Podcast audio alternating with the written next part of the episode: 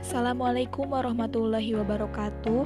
Halo semuanya, selamat datang di podcast kami bersama saya Rizny Edis Juwarni. Di sini kita akan membahas tentang sebuah museum yang ada di daerah Majalengka. Museum apakah itu? Mari kita simak penjelasannya dan ikuti terus podcast ini sampai akhir. Selamat mendengarkan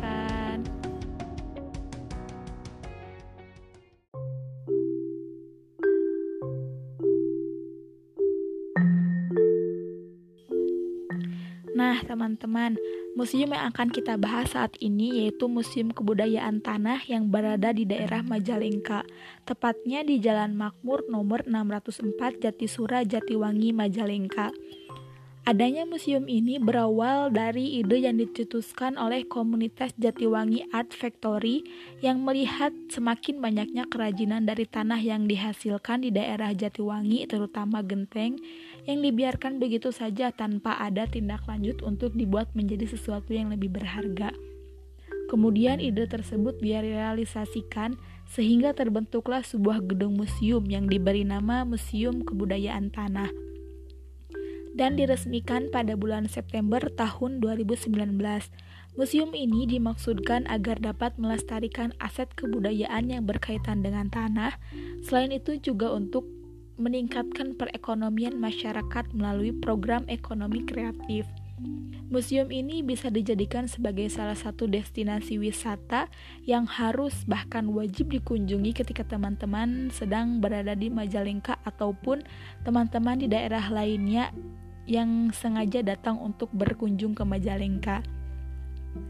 Di museum ini kita bisa melihat berbagai macam olahan dari tanah liat, mulai dari genteng, batu bata, guci, tembikar, dan kerajinan lainnya yang berasal dari tanah liat. Di museum ini juga kita kita menjadi tahu bahwa sebuah genteng saja dapat menjadi sesuatu yang berharga dan memiliki nilai guna lebih jika kita memiliki daya kreativitas dan inovatif yang tinggi.